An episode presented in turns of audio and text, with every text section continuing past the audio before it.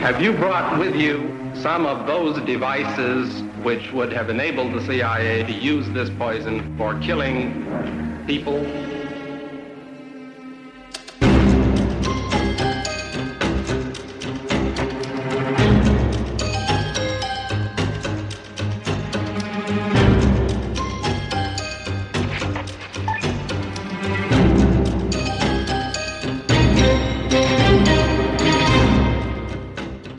Og hende her præsten, hun har det sådan etisk sådan lidt, nu burde vi jo nok hænge på her. Mm. Men øh, de snakker om palmemord og en revolver og en, der skal skaffe sig vej. Du lytter til det hemmeligste af det hemmelige. Et program om den kolde krigs hemmeligheder. Mit navn er Anders Christiansen, og med i studiet er dokumentarist Christian Kirk Muff. I noget af det, der kommer frem i maj 87, når han, han skal beskrives som fanatisk højremand, så, så, siger, så citeres han for at skulle have sagt få uger inden mordet, at blodet kommer til at strømme i gaderne.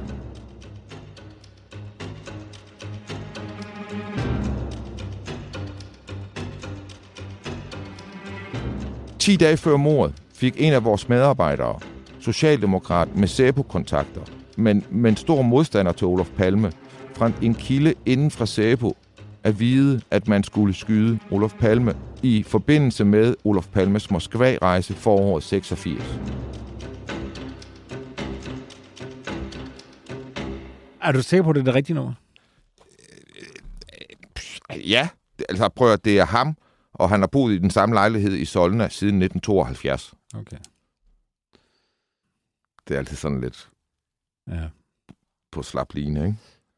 Vi slutter jo forrige afsnit med, at du fortæller, at Anders Larsson på et tidspunkt stikker af til København, Ja. og derfra ringer han i selskab med en dansk socialrådgiver Ja. til Palme efterforskningen. Og i den samtale, der fortæller Anders Larsson, at han mener at vide, at en af bagmændene, Jamen, han siger en, en, en, en leder i planlægningen af mordet. En leder i planlægning mordet på øh, Olof Palme, det er en, der hedder Erik Ja. Sagen er, at han lever endnu. Ja, og han, han er også en af de ledende i Swedenborg-gruppen. Øh, øh, men, men ja, han lever nemlig endnu. Så det gør jo også, at vi er lidt nødt til at øh, ringe til ham og fortælle, at vi i et radioprogram i Danmark snakker om, at Anders Larsson nævner ham. Ja. Jeg ved, at andre har prøvet at ringe til ham og kontakte ham. Øh, jeg kender til to, der har gjort det inden for de sidste to år. Og øh, det endte med, at han råbte og skreg og truede dem.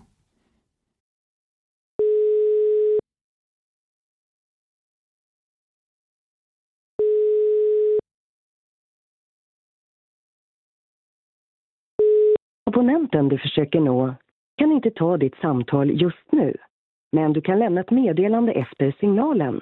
När du är klar, tryck fyrkant eller lägg på luren.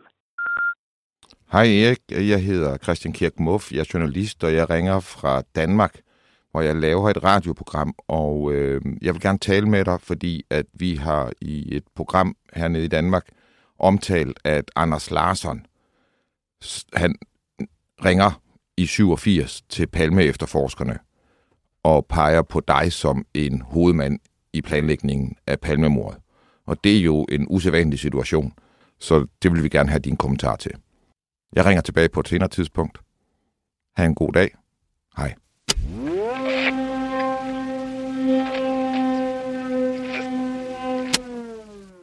Lad os kalde ham Erik R. Han angiver Erik R. her, som er i, øh, i Swedenborg-gruppen. Og øh, som... Vi skal nok ikke præsentere ham for meget. Vi skal nok lige vente med det så. Men som er en, en mand, der også har nogle øh, specielle vaner. Øh, der er faktisk et sjovt lille, en sjov lille parallel til, eller til altså JFK-mordet i det. Øh, han opfører sig på en måde, vores ven her, Erik er, som hvis man tror på, at lige har vi også fået, på nogen måde var rekrutteret af CIA, eller havde noget med CIA at gøre, så den mand, der ligesom øh, kunne være den, der gjorde det, det er en mand, der har den samme hobby som ham her. Og de er de to eneste, jeg kender til, der har den hobby. Hvad er det for en hobby? det vil jeg ikke sige, fordi så begynder folk at finde frem til, det, til ham. Det, det, vi må hellere vente på det der. Øh, men, men øh, det, det, det er sådan en lidt usædvanlig hobby. Så meget, som man kommer lidt i avisen for det en gang imellem.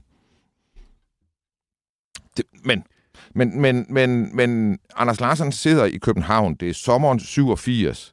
Han er blevet øh, offentlig kendt i svensk offentlighed som 47, den 47-årige mand, som øh, var med til at planlægge mordet på Palme, formentlig. Mm. Det er den måde, den her historie den er kommet ud på. Og øh, Stig Larsson, forfatteren Stig Larsson. Øh, øh, jeg har, øh, jeg kan tage det frem her. Stig Larsson skrev øh, Millennium-trilogien, den med Lisbeth Salander, øh, Mænd, der hader kvinder osv. osv. Ja, ja. Øh, øh, og det gør han jo, altså den udkommer efter, han er død, den her trilogi. Og i årene inden han begyndte at skrive den her bog, der, det han kiggede ind i, det var de, den her kreds af mennesker, som vi beskæftiger os med her. Øh, øh, det var den her ekstrem højre, og han kiggede ind i, altså han sad udenfor, sammen med en af de øh, vores gode kilder til det her program, øh, svenskeren Tobias Hybinette, øh, øh, der sad de to i biler uden foran Svedenborg-kirken og overvågede, hvem der gik ud og ind, fordi de var klar over, at der foregik noget derinde i nogle højere radikale miljøer, som de forsøgte at klarlægge.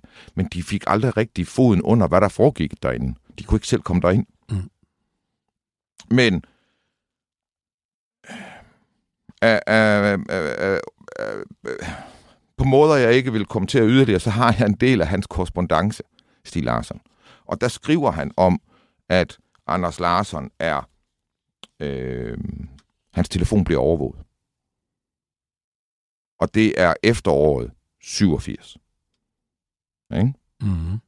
Og, og det der jo er med nogle af de her systemer, gamle telefonsystemer, øh, det vil nogen kunne huske. Jeg, det kan jo egentlig også godt nogle gange faktisk være, man kan opleve det på mobiltelefoner faktisk, når jeg nu tænker over det. Men man kan opleve det der med, at der, man pludselig kan høre andres samtale. Når man snakker i en telefon, hvis vi to ringede til hinanden, øh, så ville vi pludselig kunne høre nogle andre, der talte sammen. Mm. Altså, det, det har jeg været ude for flere gange. Øh, også, men mest som jeg husker det på gamle telefonnet. Ikke? Det sker også øh, i øh, efteråret 87. Og når jeg nævner det her med, at hans Anders Larsens telefon er aflyttet, så er det fordi, jeg tror, det her, det, den her, at de her kvinder kommer til at overhøre en samtale, der... Så er der ikke mere for den statsbetalte 25 øre. Efter 24-7's lukning er Det Hemmeligste af det Hemmelige blevet en podcast, du skal betale for. Gå ind på hjemmesiden dethemmeligste.dk og læs mere om, hvordan du fortsat kan lytte til det Hemmeligste af det Hemmelige.